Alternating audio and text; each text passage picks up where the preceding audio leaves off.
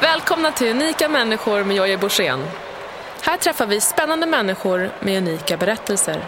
Den här podcasten sponsras av Vitamin Manager som skräddarsyr din dagliga vitaminmix och anpassar den utifrån ditt behov. Gör ett test och se vad du behöver eller välj din mix själv på vitaminmanager.com. Med rabattkoden JOJE2016 får du din första leverans för 95 kronor. Tack för att du lyssnar. Nu kör vi!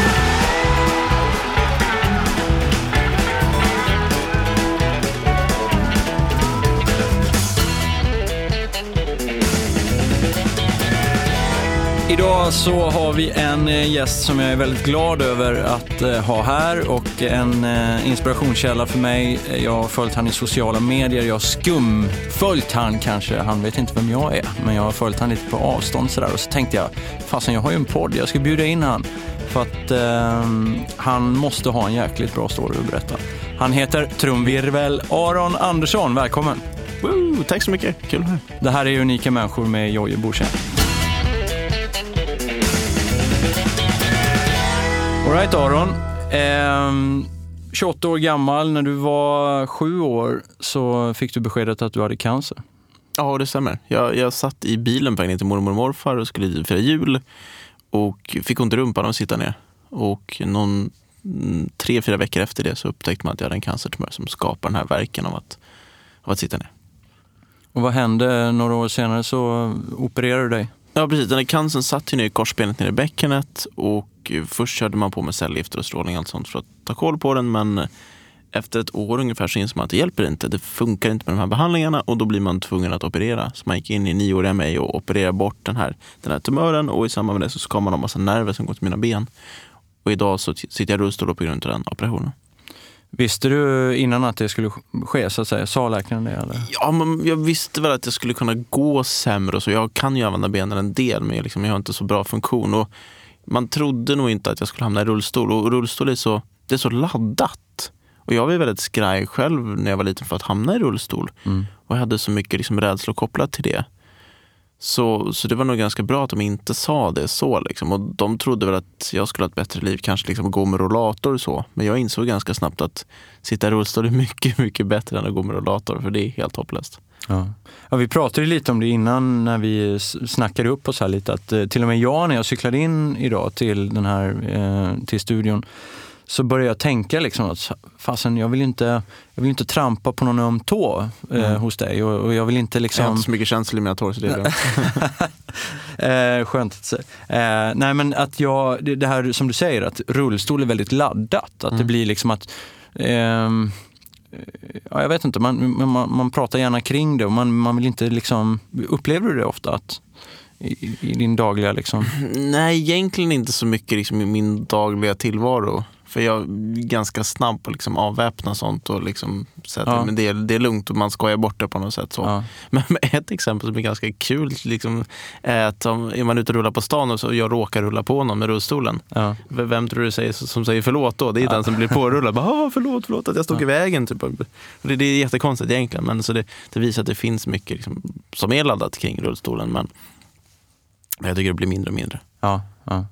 Eh, du är ju en äventyrare av rang. Vi har ju lite eh, gäster som har gjort lite speciella grejer i den här showen. Ehm, eh, och du har ju verkligen gjort massa sådana grejer. Ehm, och skit i om du sitter i rullstol eller inte, för de grejerna du har gjort är ju fortfarande som en, ja, en, en äventyrares rang så att säga. Och eh, berätta lite om vad du, din historik. Jag läste igenom lite här. Det finns ganska mycket att göra, mm. eller har gjort. Alltså min historia från början är egentligen att när jag hamnade i rullstol så ville jag börja idrotta igen. Mm. För jag hade alltid idrottat jättemycket när jag var liten och liksom fotboll, innebandy, liksom allt sånt där. Och, och sen när jag hamnade i stol så visste jag att det fanns massa så här paralympiska idrotter så jag tänkte att det, det kör jag på men det blir kul. Så jag började köra friidrott, jag spelade källkock, jag seglade mycket och sen, sen fastnade jag väl mer och mer för, för friidrotten. Mm. Jag körde på som en galning där och var med på Paralympics 2008 i Peking. Och, och sen var väl mitt stora mål att jag skulle ta, ta mina liksom, medaljer i London. Då, då jäklar var det mitt år tänkte jag. Och det gick bättre och bättre. Och så här, och, men början på 2012, när det bara liksom var ett, drygt ett halvår kvar till Paralympics, så började jag få strul med min högra höft och liksom hade ont när jag sov på nätterna. Liksom, allt bara strulade så här. Så till slut fick jag röntga den och då kunde man se att jag låg i led. Och eh, ja, till slut så säger väl läkaren att ja, vi, vi måste operera här för att, för att det ska bli bra. Vi måste stoppa in en ny så här, en höftledsprotes. Liksom. Mm, mm. Och, och, då hade jag ju, skulle jag missa London så sa jag nej men jag kör på, liksom, jag kör igenom smärtan. För det var, inget, det var ingen farlig smärta men även det var en väldigt jobbig smärta. Mm. Men till slut i maj någon gång tror jag, så känner jag att men jag kan liksom inte sova på nätterna och inget funkar. Nej. Och då kan man ju inte prestera heller. Nej. Så istället för med Paralympics så hemma och efter den här operationen så, så tappar jag så mycket rörlighet i höften så att jag blir tvungen egentligen att sluta med friidrotten. För i friidrotten så vill man ligga framåt i tävlingsstolen med egentligen liksom bröstet på låren. Mm. Och jag tappar rörlighet i höften så jag kan liksom inte komma in i den positionen på det sättet längre. Så jag kan liksom inte elitprestera i friidrotten. Och efter det så var det ett, ett väldigt tomrum. Mm. Man börjar fundera, vad, vad gör jag nu då? För jag hade hållit på med det så länge. Idrott hade varit mitt liv i liksom 12-13 år. Och började klura på vad, vad ska jag göra istället? Mm. Och, och där någonstans så blev jag utmanad av en vän att bestiga Kebnekaise och även utmanad att cykla till Paris tillsammans med, med Team Rinkeby för att samla in pengar till Barncancerfonden. Så sommaren 2013 så, så gjorde jag de två äventyren och det varit otroligt mycket media, jag varit otroligt uppmärksammad på alla möjliga ställen och så. Och efter det så började jag klura på, men kanske man skulle kunna hålla på med det här med äventyr, för det var ju onekligen väldigt kul. Och på den vägen är det egentligen. Så, så nu är väl kanske Sveriges enda professionella äventyrare i rullstol. Mm. och, men eh, du, kände du att du fick väldigt mycket mer uppmärksamhet och det var lättare att samla in pengar och så när du sysslade med äventyr än med friidrott? Absolut. Det, liksom mediamässigt och sånt så, så, så blir det mycket mer uppmärksamhet kring äventyren än, Mm. än liksom friidrott. Och, och speciellt, jag var ju väldigt duktig på juniorsidan, tog massa guld och sånt där. Mm. Men jag tog ju liksom alla de här seniormedaljerna som jag ville ta. Och visst hade jag tagit det så hade jag kanske kunnat samla in lite pengar också, men inte alls tror jag på samma sätt som jag klarar av att göra nu. För vi pratar, var du specialiserad på maratondistansen där redan? I, Alltså, från början så körde jag väl liksom medeldistans så, Mm. så 8-1500, men sen vart det mer och mer mot maraton. Men jag körde fortfarande 1500. Liksom. Mm. För den, den distansen presterade jag fortfarande väldigt bra på. Så det var väl så här 8, 15, 5000 och, och maraton som jag körde. Och, och friidrott i rullstol är- ska tilläggas vara lite annorlunda än liksom traditionell friidrott. För det går att kombinera distanserna på ett annat sätt. Ja. Det Det blir lite mer som skidåkning, att man, man, man bär inte sin egen vikt som man gör när man springer. Liksom. Men det måste fortfarande vara jäkligt hård konkurrens. Jag menar, det måste ju finnas många som kör de distanserna i um, även Paralympics. Så att det måste gå ruskigt fort. Ja, verkligen. Och tittar man på olika paralympiska sporterna så skulle jag säga att friidrotten är den sport som är liksom hårdast konkurrens på. Liksom Mm. Topp top 15 är proffs. Liksom. Mm. Alla kör som galningar och satsar. Hade du haft någon chans på seniormedaljer? Alltså hade den utvecklingskurvan som jag hade 2011 fortsatt Ja. så tror jag det. Mm. Absolut. Men eh, det vet man aldrig, det är svårt att säga. Nej. All right, och sen växlar du över och nu, eh, nu har du gjort massa, massa roliga grejer. Jag fastnade för en eh, grej i din resumé. Du simmade från Åland till Finland, 37 kilometer. Nej, från, från, från Sverige till Åland. Just det, Grisslehamn, förlåt. Från Grisslehamn till- Grisslehamn. till Singelskär på Eh. Just det, så var det. Precis. 37 kilometer, nonstop eller? Ja, alltså jag stannade var 20-25 minuter ungefär bredvid följebåten och så slängde Ja. de ner mat och dryck och sånt. Men, Ja. men jag var aldrig upp på följebåten. Och jag såg något klipp där också. Du körde med ganska stora paddlar. Du måste ha en enorm eh, överkroppsdrag liksom. När du... Ja, ja, det är väl min, min fördel att jag är stark i överkroppen. Ja, men jag, körde, vad är de, jag är lite färgblind med de gula paddlar tror jag. är. Ja, de stora. De, de är ganska rejäla så för att få lite extra tryck där. Just det. Och, det ska ju tilläggas utom att jag är nybörjare på att simma. Så det, Ja, det är verkligen inte min grej på att simma. Men det, Hur lång tid tog det? den där ålsimningen, Ja. 13 timmar höll jag på. Ja, Så Det är bra. En stund. mycket pannben. Jaha, ja, Och inte så här superfina förhållanden var det ju inte heller. Utan det var Halvvägs liksom- så var det bra förhållanden. Ja. Och sen Ni startade tidigt på morgonen. Ja, jag startade typ så klockan fyra på Ja, morgonen. och då är det ju bra, fram till lunch typ. Ja, men Ja. precis. Och Mm. sen, sen vid lunch där någonstans så, så började det blåsa upp. Mm. Och du vet, det slutar med att det är en och en halv meter vågor och tio sekundmeter vind och det Mm. dimma på det. Mm. Så det var ju svinkallt dessutom. Så, jag låg, så det var nästan största problemet, att Ja. jag liksom huttrade egentligen från, från första halvtimmen i vattnet. Jävligt svårt att simma då. Ska man, ja. Ja, det, det var jobbigt, men vad fan, det var bara att köra.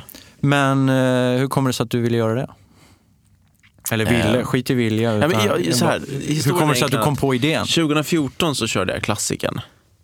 Och, och liksom hade så här, idé där med att ja, jag ska bli första på under rullstol och köra klassikern på under 24 timmar totaltid. Mm. Så jag körde det, jag lyckades med det till slut. Och under den processen då så insåg jag att jag behövde lära mig simma på riktigt. Just det. För jag hade liksom verkligen simmat så här ja, riktigt risigt bröstsim innan det. Liksom med, med huvudet upp så här och le. Jag kunde knappt ta mig fram. Liksom. Jag var jättedålig.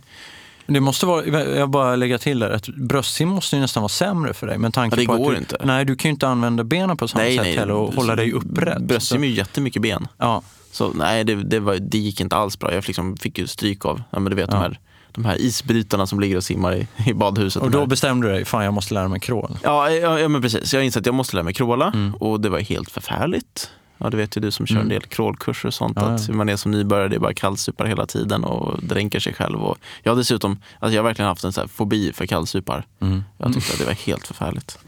Så till slut i alla fall så får jag till lite hyfsad crawlteknik. Så. Och sen kör jag Vansbrosimningen. Och Men lärde du dig själv eller? Hur, hur liksom? Ja, jag lärde mig en del själv och sen körde jag med Ann Forsell Mm. som är Stefan Nystands tränare Mm. och fick lite lektioner och sådär. Så det, det var superbra. Ja, Men ja, mycket själv och bara nöta, nöta, nöta. Ja.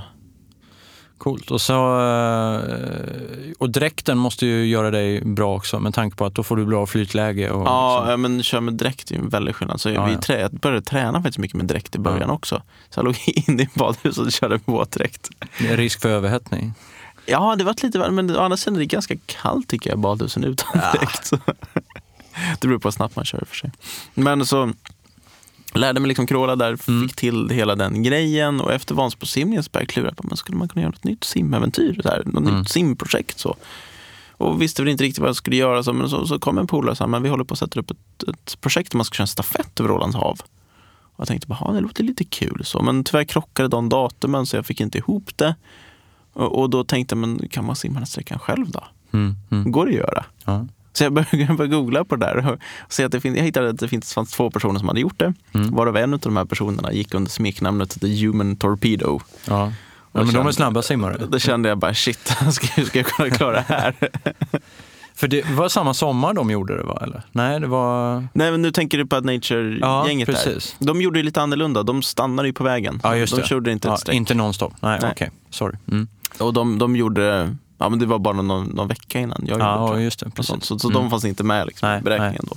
Men det här, var, det här var hon som gick under namnet The Human Torpedo, Sally Boyle tror jag han heter. Ja, Just det. En så här jättekänd så här supersimmare på typ 30-40-talet någon gång som körde Engelska kanalen och grejer. Ja. Hon var helt skog, skogstokig, liksom, supergrym.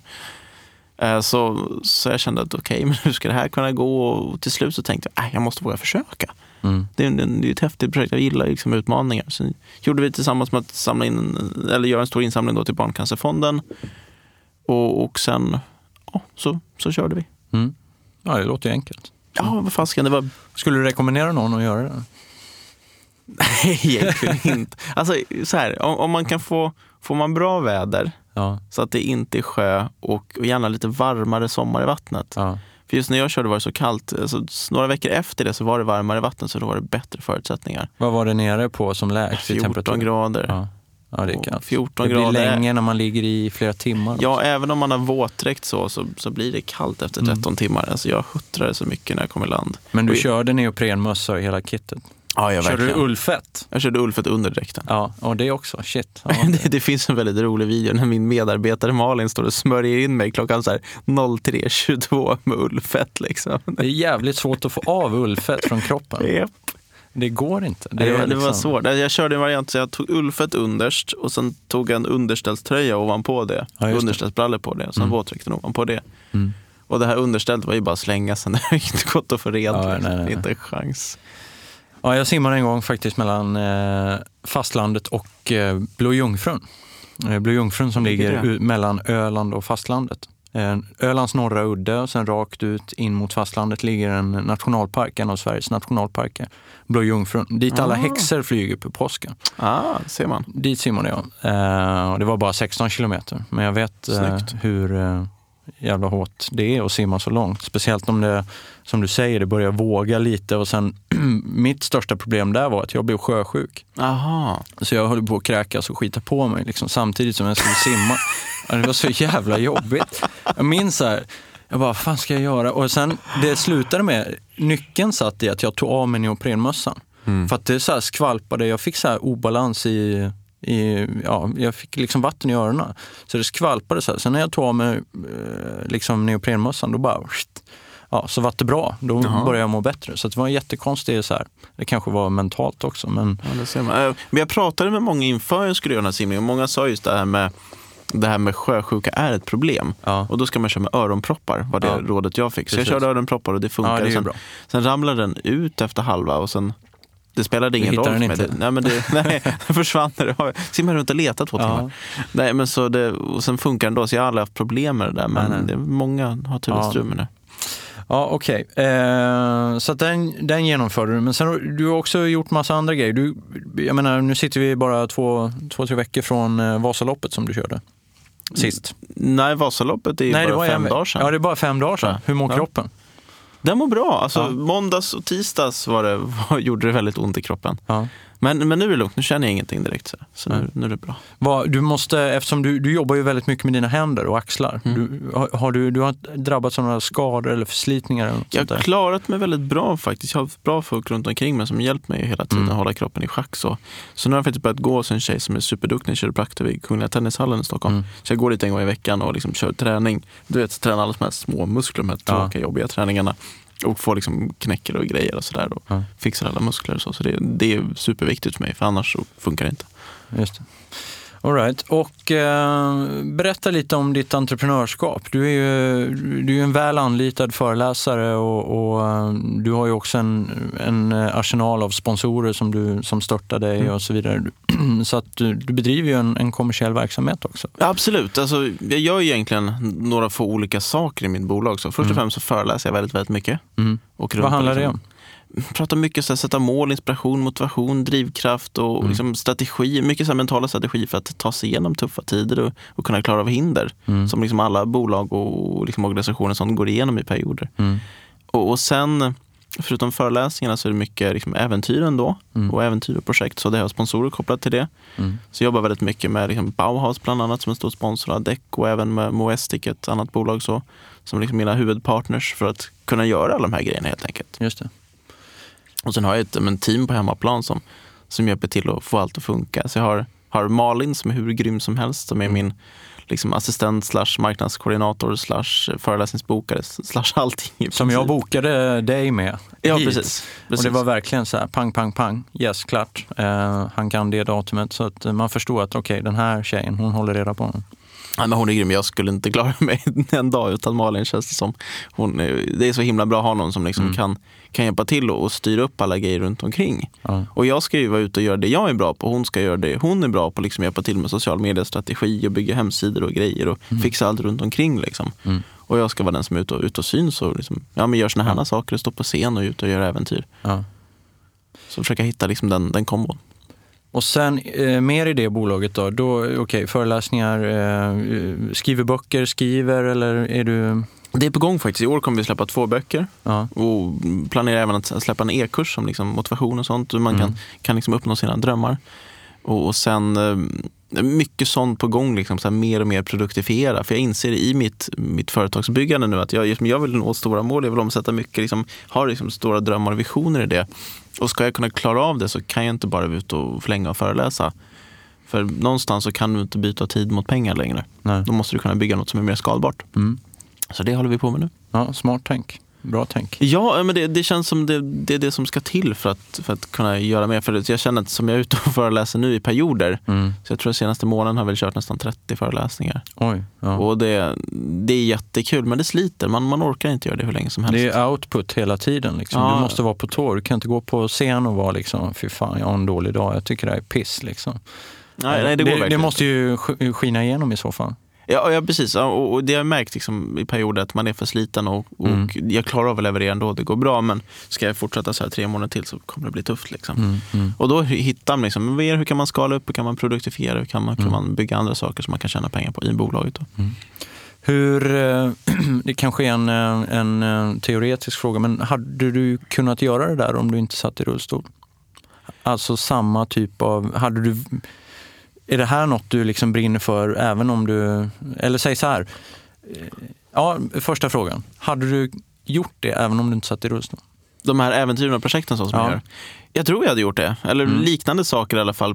Kanske på ett annorlunda sätt. Så. Men jag hade ju inte kunnat driva det här bolaget som jag gör idag om jag inte satt i rullstol. Nej. Liksom, jag blev egentligen först och främst känd för att jag besteg Kebnekaise. Mm. Och Kebnekaise, om man bestiger det som så här, inom situationstecken en vanlig person Mm. så, så får du inte sitta i morgonsoffa på Nej. TV4 och snacka om det. Liksom. Det, är, det är ganska standard. Men däremot när jag gör det med rullstol så blir det min USP. Liksom. Det är det som, som, som gör att jag sticker ut från mängden. Och det, jag tittade lite genom ditt Instagramflöde så, här, så såg jag det gan- du omger dig med ganska mycket kända personer eh, ibland. Eller så Ja, du dyker upp i, i tv-soffor och du är, du är väldigt offentlig på det sättet. Absolut. Lite så här, the go-to guy. Ja, men, har vi någon som är sportig, ser jävligt bra ut och eh, sitter i rullstol, ja, vi ringer Aron. Yay!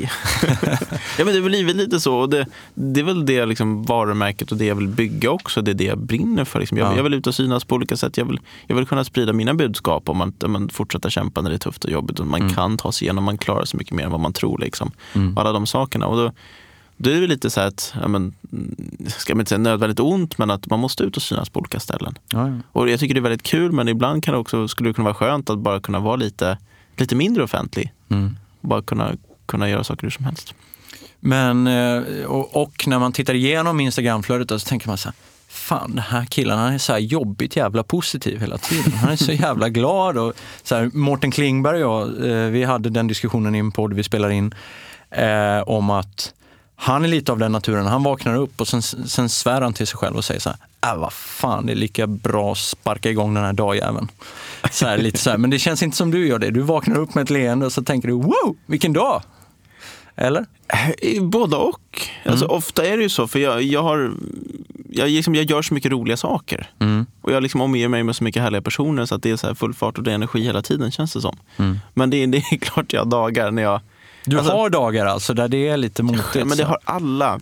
ja, bra. Och det jag pratar mycket om det i föreläsningar också, att det är inte liksom att man är full, full fart hela tiden och Nej. det är liksom på topp hela tiden. Det går inte.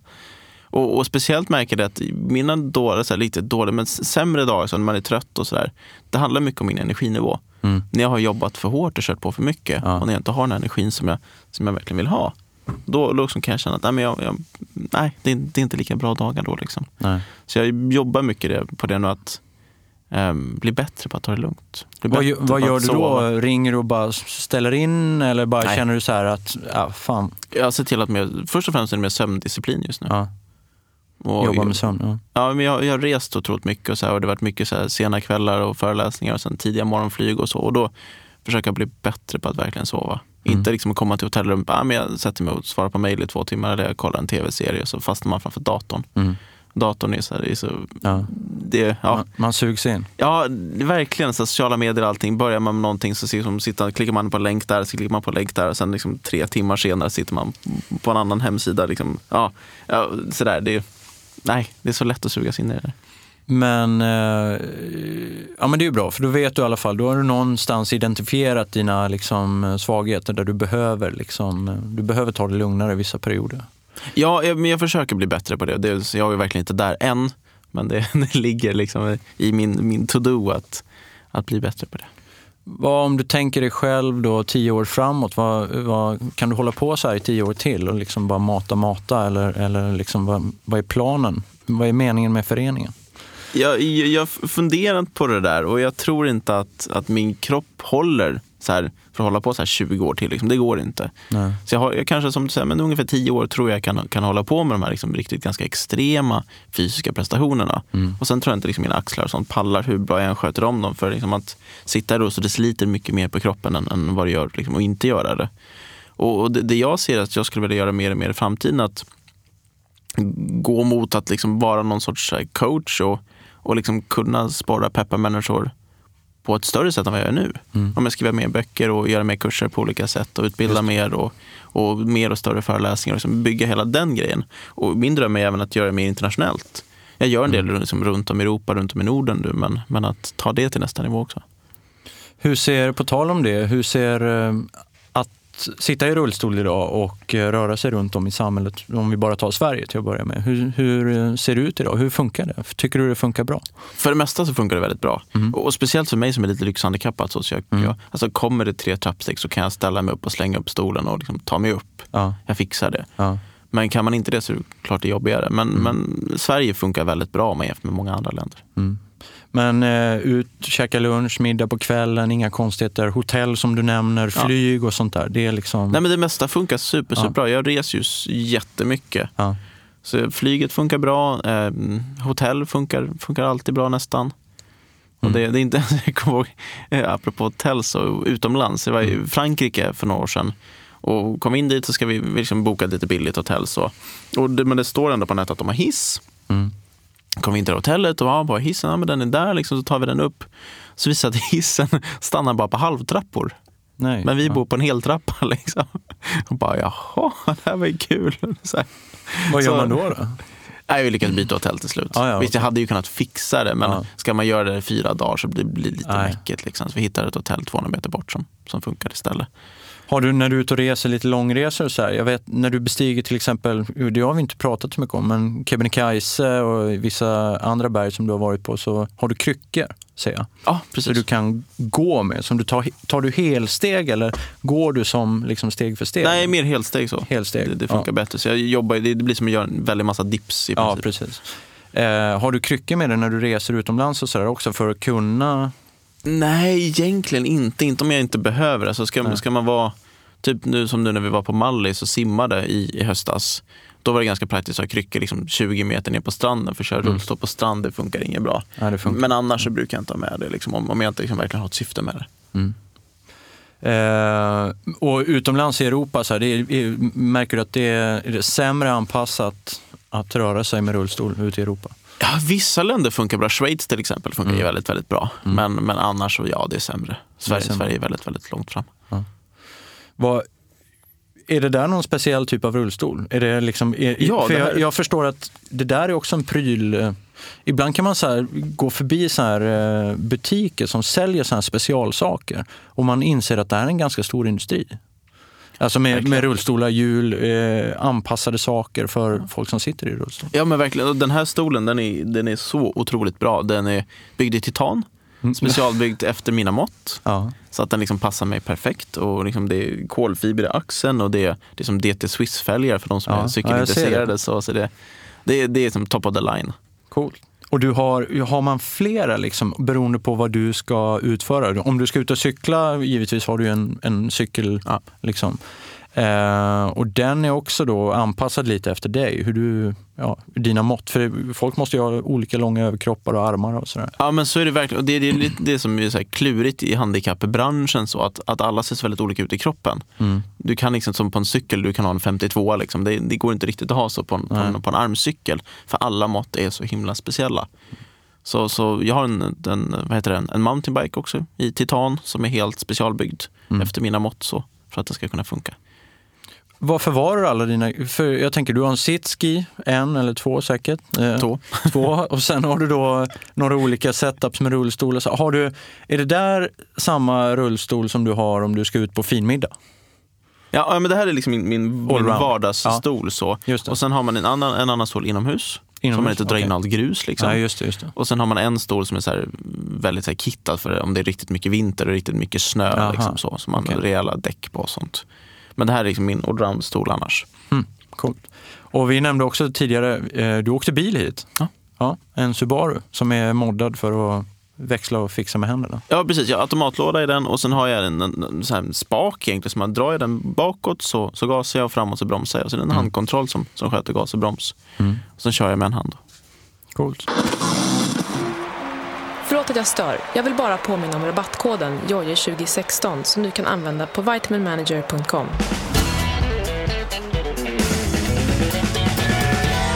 All right. eh, du, det här med Barncancerfonden och, och samla in pengar, eh, det verkar vara ett väldigt stort, eh, en stor drivkraft hos dig. Du samlar in väldigt mycket pengar varje år till, till dem. Ja, förra året blev det 2,7 miljoner. Mm. Så det, Shit, det är mycket. det är häftigt. Och drivkraften ligger mycket att liksom, Barncancerfonden kan vara anledningen till att jag sitter här idag. Mm. Kan vara anledningen till att jag är i livet liksom, fortfarande. Och att samla in pengar till dem, det ger mig otroligt mycket. Mm. Alltså det är så kul och häftigt att göra. Det ger väldigt mycket drivkraft också. Mm. Som på Ålands hav där så gjorde det mycket för att samla in pengar. Och jag tänker så här, sista biten, alltså halvvägs någonstans, när det börjar bli väldigt tufft och jobbigt. Man var kall, man hade ont, man var trött. Man tänker, hur ska det här gå?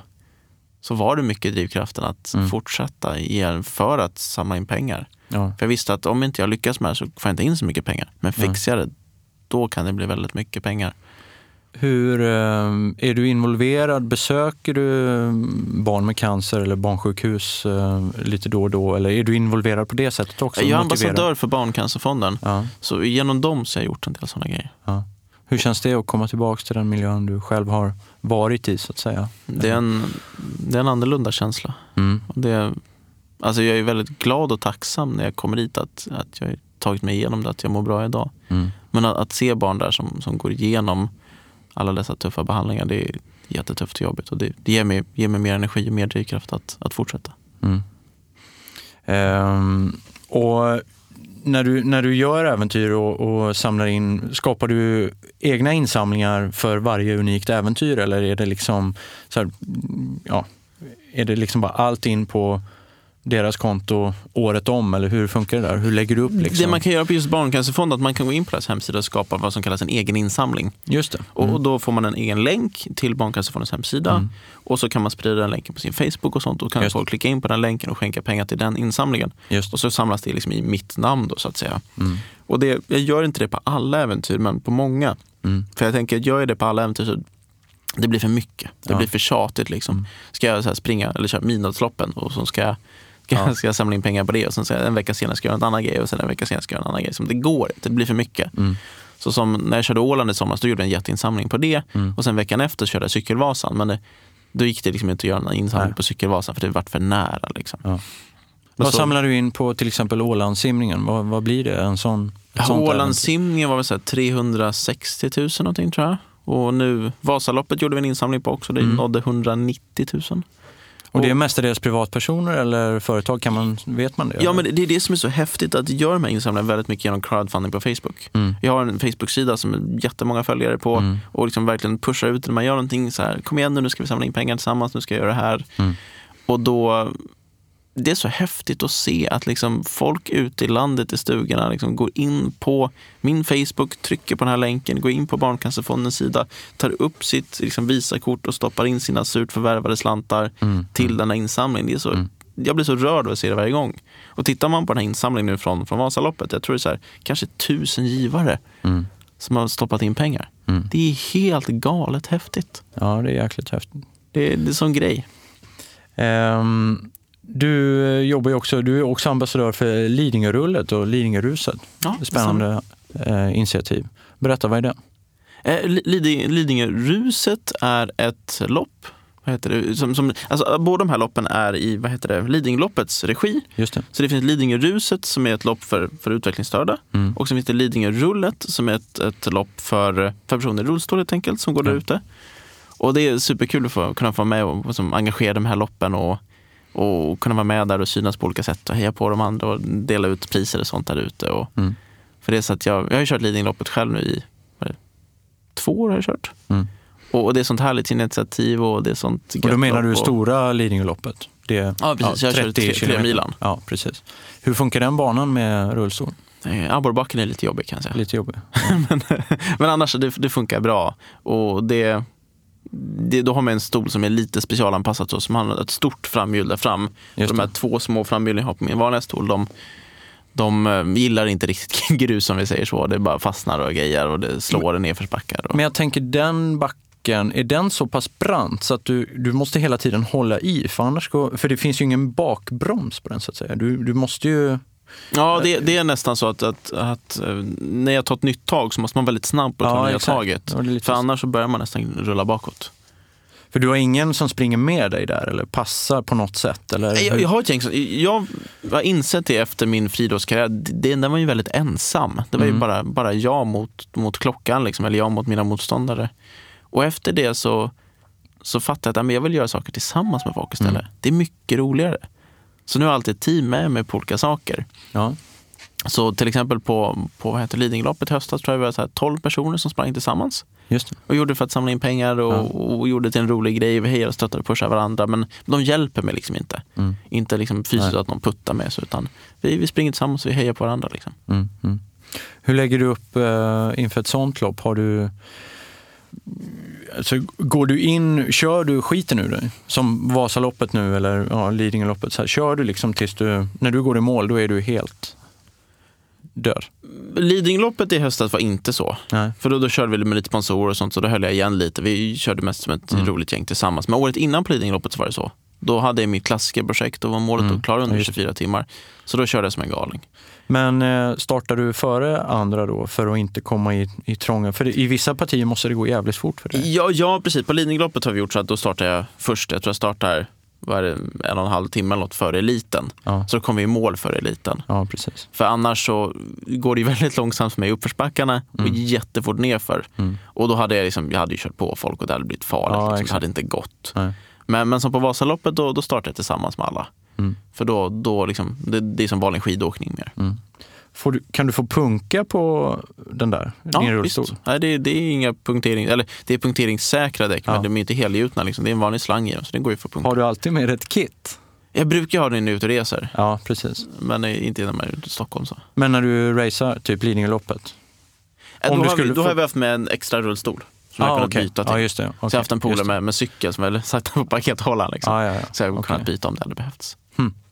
ja, spännande. Det, där är ju, det verkar lite som att eh, handikappsrörelsen eller folk som sitter i rullstol, så här, ni verkar ha en ganska eh, det är en ganska stor community. Man hjälper varandra man, eh, för att lyfta den här frågan att, att eh, ja, ett bättre samhälle för handikappade eller folk som sitter i rullstol och så vidare. Upplever du det så också? Ja, men vi försöker det och det finns en del Facebookgrupper för personer som sitter i rullstol och sånt och man liksom tar upp problem och, och saker man försöker lösa, hur andra lyckas lösa det och sånt. Så jag tycker ja, men det, det är bra. Mm. Och det, det är väldigt viktigt det där för att det är så mycket så speciallösningar på allting. Och om någon lyckas hitta någon klurig bra lösning på något då, så, så är det ju super att, att få veta det också. Ja, precis.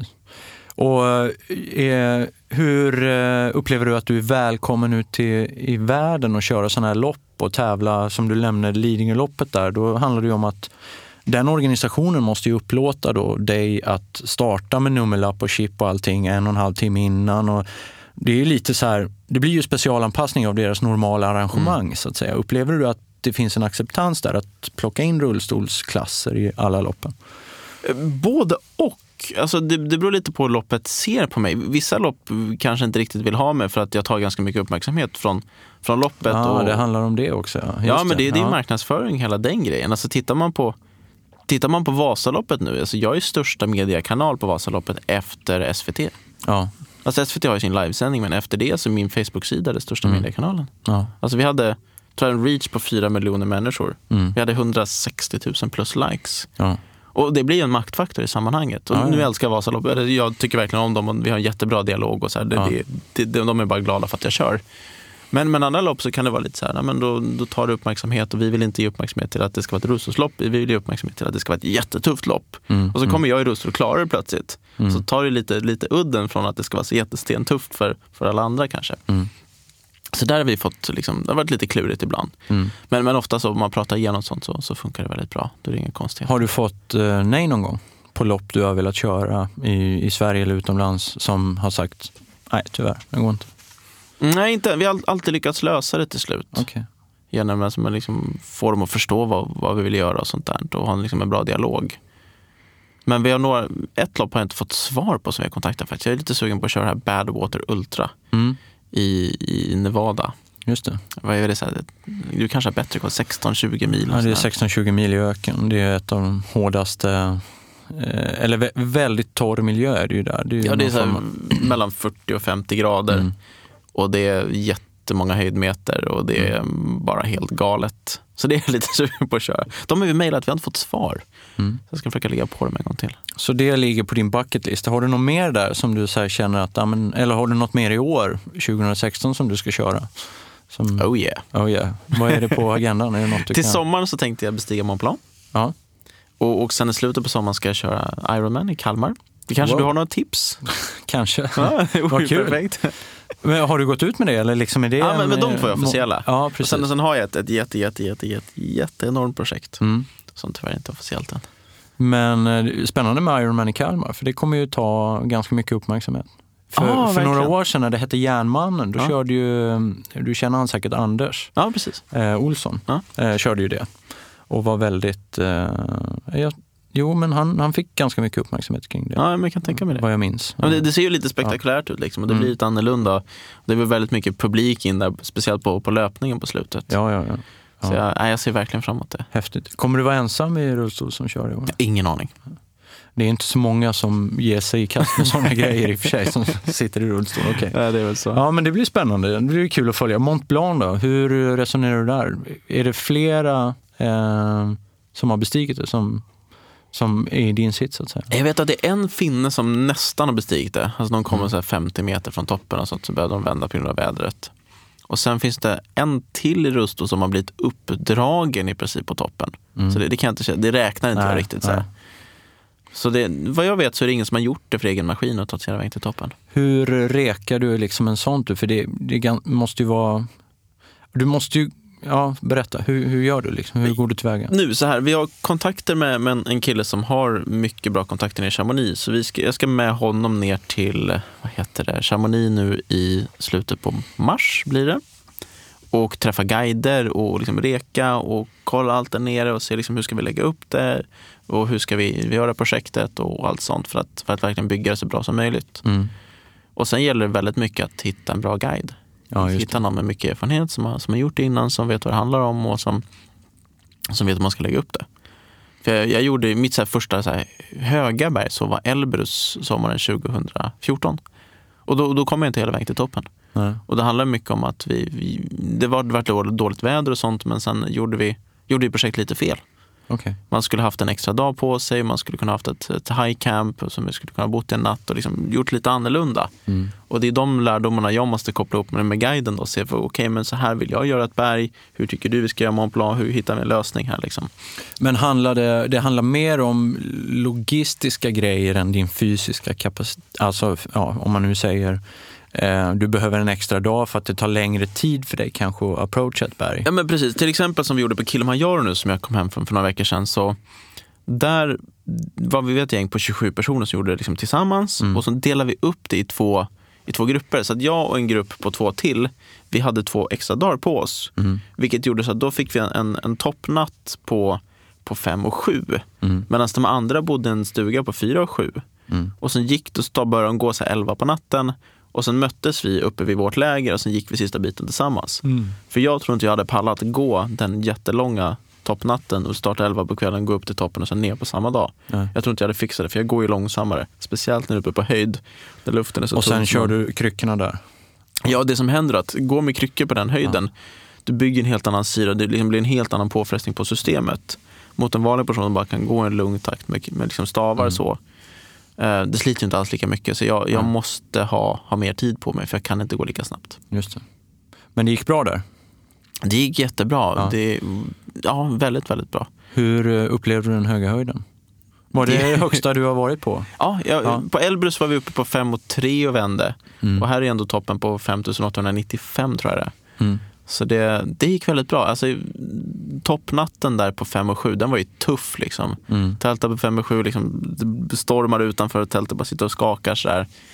Det, det, det är jobbigt och man, liksom, man känner att man, systemet är trött. Liksom. Man har Mm. hög puls hela tiden. Och, och så. Men jag klarade mig väldigt bra. Jag hade, kände väl av huvudet pyttelite. Mm. De andra hade mycket mer problem med det, så där var jag verkligen, klarade mig jättebra. Men sen, sen spydde jag en gång på morgonen. Mm. Men annars så var, var det lugnt. Liksom. Annars var det lugnt. Ja. Så, men efter det så mådde jag bra. Ja. Vissa som gick upp där, som kom från resten av teamet och gick upp. Det var några tjejer där som, jag tror de spydde hela vägen. Oj. Det var så här, gå 100 meter, spy, gå 100 meter, spy. Så det slapp jag Vad, vad var det för gäng ni hade dragit ihop? Alltså vad var det för resa? Liksom? Alltså, vi 27 gjorde, vi gjorde det som ett projekt för att dra in pengar till Barncancerfonden. Och vi gick ut med det i början på förra året att jag vill, vi ska göra det här projektet. Jag och mitt lilla liksom, core-team som styrde upp det. Och, och sen la vi ut mycket på mina sociala medier och sånt att det här ska vi göra. Vill du vara med? Klicka på den här länken för att ansöka. Liksom. Mm. Så, så valde vi ut ett gäng på ja, men totalt på 27 personer som, som vi gjorde det här tillsammans med. Shit, det är vågat att ha med sig nu förstår jag, ni var inte kanske ansvariga för dem så, men eh, ni visste ju inte vad ni fick in för material så att säga. Nej, så att ta det- med er till de, ett... de fick så här, skriva en ganska utförlig ansökan och Ja. svara på många frågor kring det. Men, men man vet ju fortfarande inte riktigt. Och vi Nej. gjorde det för att samla in pengar till Barncancerfonden. Så vi tog ju inte ut de här, liksom så här fysmonstren direkt. Det var, det var inte därför vi tog ut folk. Visst, det var jättebra de var tränade. Mm, Men vi tog framför allt ut folk på grund av deras förmåga att samla in pengar. just det. Och vad har de för liksom, företagskontakter och sånt och kunna hjälpa till att samla in pengar på olika sätt. Eh, vad tänker du om Mount Everest då? Eh, ett häftigt berg, jättevackert och läckert, men jag kommer inte göra det. Nej. För jag, tror det är för stora faror för mig. Och Vad jag, drar du liksom gränserna när du gör riskanalyser? Liksom när du, jag menar, nu pratar vi ändå fem och sju, då, då tycker jag det börjar ju bli ganska, det är svettiga höjder. Liksom. Ja, fem och sju är högt, absolut. Men, men Kilimanjaro, det är ändå, du kan evakuera på ett helt annat sätt. Mm. Som, som Everest, när man kommer upp över 8000, alla är ju helt förstörda där uppe. Mm. Och jag vet hur mycket tröttare jag är på ett berg och hur mycket långsammare jag går på ett berg, på, ett- på liksom, bara på Kilimanjaro, än med liksom en, en, en, en vanlig person. Då. Mm. Och då tänker jag Everest, nej, men det, det kommer inte gå, det är, så, det är brant där, det är, liksom, det är ju riktig klättring på sina ställen. Mm. Och det, nej. Men om man säger så här, Aconcagua, Ja, ja men det kan jag tänka mig. ja, Absolut, Aconcagua skulle kunna gå. Och det, det är är fortfar- 6 och 9. ja, men det är ju fortfarande det är en stor utmaning. Alltså det är ju, Ja, det är det. så att, eh, ja. Men där någonstans går din gräns, eller känner du? Ja, alltså ska man ta berg ovanför det så jag vet inte. Då får man, man får kanske börja med Aconcagua och se. Liksom. Men, men återigen, det gäller att ha ett, ett starkt team med sig. Mm. Som, Ja, på, precis. som på Kiliat, det är ju risker där också. Det är ju farligt där också. Vi hade en, en kille med i teamet som, vi kommer upp till 4-7 och han, han har jättejobbigt att ta sig upp till 4-7 och när vi kommer upp dit så liksom, han lägger sig och sover lite på en gång och känner sig bättre och sen så sätter vi oss och käkar middag och ja, men han, han känner sig bättre. Liksom. Men så, när vi går och lägger oss där på kvällen så, så, så, så vi lägger oss hela gänget och sen vaknar vi kanske halv tre på morgonen. Och han, han, jag hör han ligger och hyperventilerar och hostar och så här. Så jag, liksom, det där låter inte bra känner jag. Nej. Så jag ropar på honom, jag får inget svar, ropar en gång till, fortfarande inget svar. Så jag går bort till honom för att kolla men hur, hur är det med honom. Liksom. Och så börjar jag ruska på honom där. Så han är helt borta. Liksom. Oj. Så vi får ta på en sån här syremätare, till slut dra på fingret på honom och se att han ligger på 55 procent. Oj. Ja. Och sen en, du och jag just nu har vi kanske 98-99 procent syre i blodet. mm. Så han var riktigt illa medtagen. Och han var liksom knappt kontaktbar och han hade fått hjärnödem och lungödem och allt var liksom, det var, det var fara och färde. Hur och- agerar ni då? Vad är liksom, vad gör ni? Eh, få ta på guiderna supersnabbt. De bodde i en, liksom en, en stuga bredvid. Få ta på dem, väcka dem och se till att lägga upp honom på en bår. Så, så var det några starka som sprang ner med honom. Mm. Och, och då blir han ju bra liksom, när han kommer ner på lägre höjd. Men nej, det, var, det var riktigt, riktigt läskigt. Wow. Och Och då, jag tänker- då blir det lite knivsägg så här, shit nu är vi här uppe, han måste ner, han, han, är, liksom, han är jävligt dålig. Ja, och, Blir- hur känner du då? Blir du liksom så här, oh shit, vad ska jag göra? ja, då var vi bara två stycken kvar uppe på det campet. Vi var Ja. inte hela gänget där uppe då. Nej. Och, och jag blir, man blir skärrad då. För liksom jag och polaren är kvar där uppe. Vi sitter bara, ha, shit liksom. Nu, nu är han borta. Vi, och vi hade ingen möjlighet att få rapport om hur han mådde heller. Nej, För vi hade liksom ingen kommunikation till läget nedanför. Det var inga telefoner och sånt som funkade. nej. Så vi, det var, det var spännande, eller läskigt liksom. Läskigt Ja. att och, och sitta där och tänka, "Jaha, men hur kommer det gå för honom? Det, det vet vi ju inte liksom. nej. Men samtidigt visste vi att han, han, var, han var ändå vid medvetande. Vi skickade Ja. ner honom, det gick att prata lite med honom, även om han var väldigt, väldigt borta. Mm. Så vi kände att kommer han ner på höjd så, så måste han må bättre. Mm. Och sen det var skönt sen, så när han kom ner på höjd så, så träffade han resten av teamet. Och det var en läkare i teamet som kollade på honom och liksom tittade hur, hur det stod till med honom. Mm. Och kunde konstatera att han mådde bättre och det, det var på rätt väg. Liksom. Och de kom upp till oss senare på dagen där. Så vi fick rapport om att han, han mådde bättre. Mm. Så det var väldigt skönt att få det. Men det är ju läskigt. Liksom. Allt sätts ju på sin spets när, man, när något sånt händer. Verkligen. Och då börjar man också tänka efter, men vad, vad håller man på med? Har du varit med om flera sådana situationer där du har liksom känt att ah, fasen, här är, nu är vi lite på gränsen till vad... Ja, Elbrus eh, 2014, då, vi kommer upp till vårt läger på 4 och 4 kanske. Jag tror det var 4 och 4. Och, och då känner man att det är så här, mycket elektricitet i luften. Och det som min, min polare som är med där, han tar av sig mössan. Hans hår bara ställer sig Och du menar alltså det är elektricitet i luften? Ja, ja okej. och, och liksom borta i horisont så ser man hur det åskar och blixtrar. Liksom. ja, ja, okej, okej. Så det är jättemycket elektricitet i luften Ja. och det är superläskigt. För det, det är en av de farligaste sakerna på berg, att, att få blixten i sig. Oj. Och det är väl liksom bara slå upp våra tält snabbt som fasken och slänger bort alla prylar med metall och kupa in i tälten och ligger där och huttrar. Liksom. Och samtidigt hör man ju liksom bara dånar utanför. Mm, mm. Och, och, och senare, dagen efter, får vi rapport om att det var, det var en som dog på berget den dagen. Oj. Som, som liksom fick blixten i sig. Shit. Och då, då är det lite läskigt. Ja, kunde varit det på sin någon av er också. Ja, det hade kunnat vara det. Det är Mm. det man tänker. Liksom. Ja. Så ja, då, det, då, då får man väl tänka att jag ska inte göra Everest ändå. Det, det känns lite för, för farligt.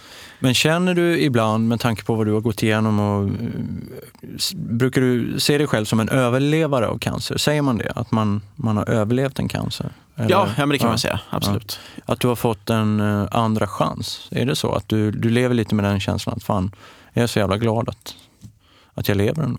Ja, ja, verkligen. Och det är väl något som jag påminner mig själv om om man har det lite tufft och jobbigt någon dag. Som att påminna sig själv om att vara tacksam Mm. för att jag, jag klarade det. Tacksam Mm. att jag överlevde. Jag hade kunnat ligga, ligga nedgrävd i jorden någonstans nu. Mm. Istället är jag här och får göra alla de här häftiga sakerna. Och försöker känna tacksamhet för det. Och för att ta dig tillbaks lite till det vi inledde med att prata, att du har mycket att göra och sådär. Och, och, så ehm, du utnyttjar ju verkligen dagen. Du fångar ju verkligen allt och lite till. Så det är liksom 25 timmar om dygnet som... Lite så. Jag försöker verkligen. Jag försöker Ja. vara så effektiv det går och hinna med att göra mycket och göra det jag verkligen tycker är kul. Liksom. Mm. Hur ser din eh, vardag ut? Hur mycket tränar du och hur mycket, hur, hur liksom, försöker du få in pass varje dag? Eller? Jag försöker träna varje dag, men, Mm. men det går ganska mycket upp och ner. Som den här veckan nu har jag varit jag har varit så sliten efter Vasaloppet så att Mm. första dagarna, dagarna på veckan tränade jag inte alls. Men sen igår, i torsdags, var jag ute och, och, och, och åkte lite skidor faktiskt. För de har en Mm. konstnärssträng som ligger där ute, ute i Täby där jag bor. Och då var jag ute och körde ett pass där, men jag var så otroligt sliten. Mm.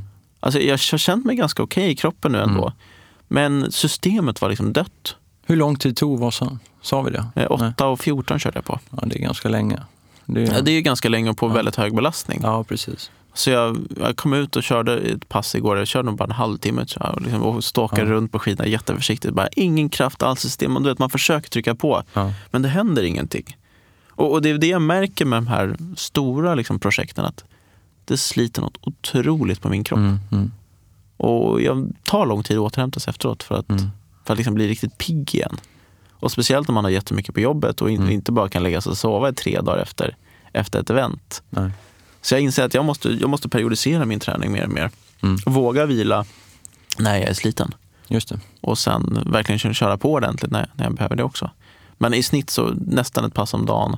Mm. Och träning går ju väldigt mycket upp och ner. Som nu när jag ska börja träna mot Ironman så blir det liksom ja, men fem, sex timmars cykelpass och sånt liksom, Mm. som måste Mm. göras. Hur eh, tror du på Gud? Har du en tro? Men jag tror på Gud. Nej, det jag tror på så här att när, när jag var 13 år blev min bästa kompis överkörd av ett rattfyllo. Mm. Och från, från liksom en dag till en annan så fanns han inte där. Och, och där någonstans behövde jag skaffa min egen tro kände jag. Mm. För att kunna ta mig igenom, kunna bearbeta det, kunna klara av det här. Och, och det jag började tro på då var att när vi dör så får vi träffa dem vi verkligen saknar, de vi har, har älskat någon gång innan. Mm. Som, som har tagits ifrån oss.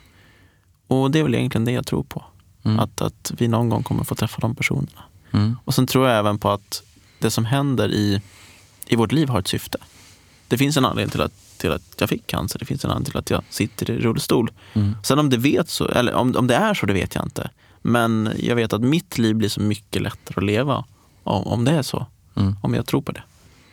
Finns det stunder i ditt liv idag där du, där du kan svära åt din rullstol eller din, din cancer som du fick då? Alltså att du kan få någon form av ja, falla, falla tillbaks i dåliga tankar så att säga.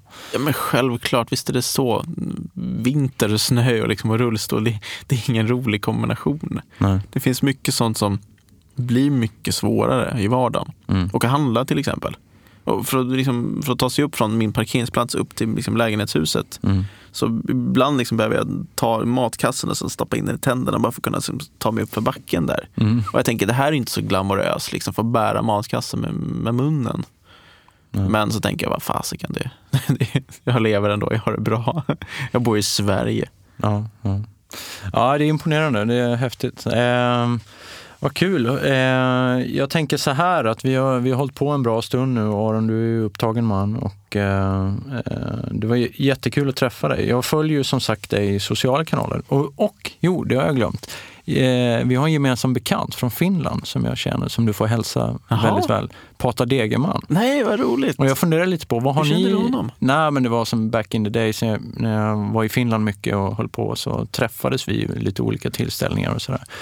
Eh, du får hälsa honom så mycket nästa gång. Men mm. vad är det ni gör tillsammans? Ni träffas lite då och då? Ja, men det är så här att förra våren så blev jag kontaktad av Patta mm. som, som berättar om att de har ett, eller han tillsammans med en skola har ett äventyrsprojekt de ska göra tillsammans med en kille i rullstol. Mm. Men nu har han den här killen i rullstol lyckats skada en axel så han kan inte vara med. Så undrar de om jag kan vara med istället. För de har väl googlat på så här, liksom, idrottsmän i rullstol som gör äventyr så där. Ja. och hittat mig. Och så slutar med att jag åker ner till, till Frankrike med dem till La Grave i våras och gör ett projekt där man ska här, klättra upp för en bergvägg och mm. bo i en sån här portal edge längs vägen, ett tält som hänger ja, på bergväggen ja. och sånt. Superhäftigt. Så, så vi gjorde det projektet i våras. Okay. Och sen dess känner jag honom. Ja, coolt. Ja, han är en spännande person. Han har gjort väldigt många galna grejer. Ja, han är riktigt häftig. Gjort mycket roliga så här, första bestigningar på Antarktis och grejer. Mm. Och det, galen finska. Men han har skiftat över lite nu till att bli, jag, jag kollar hans Instagram också nämligen. Han foto, fotograferar väldigt mycket mer nu känns det som. Än ja, han gjorde när jag... Han är otroligt duktig naturfotograf. Ja, så ja. kolla in hans Pata Explorer tror jag han heter på Instagram. Mm. Otroligt mycket häftiga bilder. Allt mm. från isbjörnar till liksom coola tält och häftiga isformationer från Antarktis och allt vad det är. Ja. Okej okay, Aron. Aron, tack så jättemycket för att du kom till podden Unika människor. Eh, som sagt, vi kommer ju följa din resa och lycka till med böckerna, föreläsningarna och, och lycka till med det här att eh, försöka ta det lite lugnare emellanåt. Får se hur det går. Tack så mycket. Tack så mycket för att jag fick vara med här. Och ni kan ju följa Aron i hans sociala kanaler där han är enormt stor och, och postar mycket motivation. Vill ni ha en liksom, daglig injektion när ni vaknar upp så ska ni följa Aron i hans kanal. Kul att höra. Tack så mycket. Tack.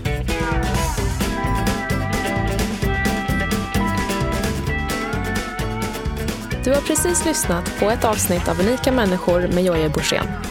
Vi tackar poddens sponsor Vitamin Manager och produktionsbolaget A1 Produktion samt producent Jonas Sjöberg.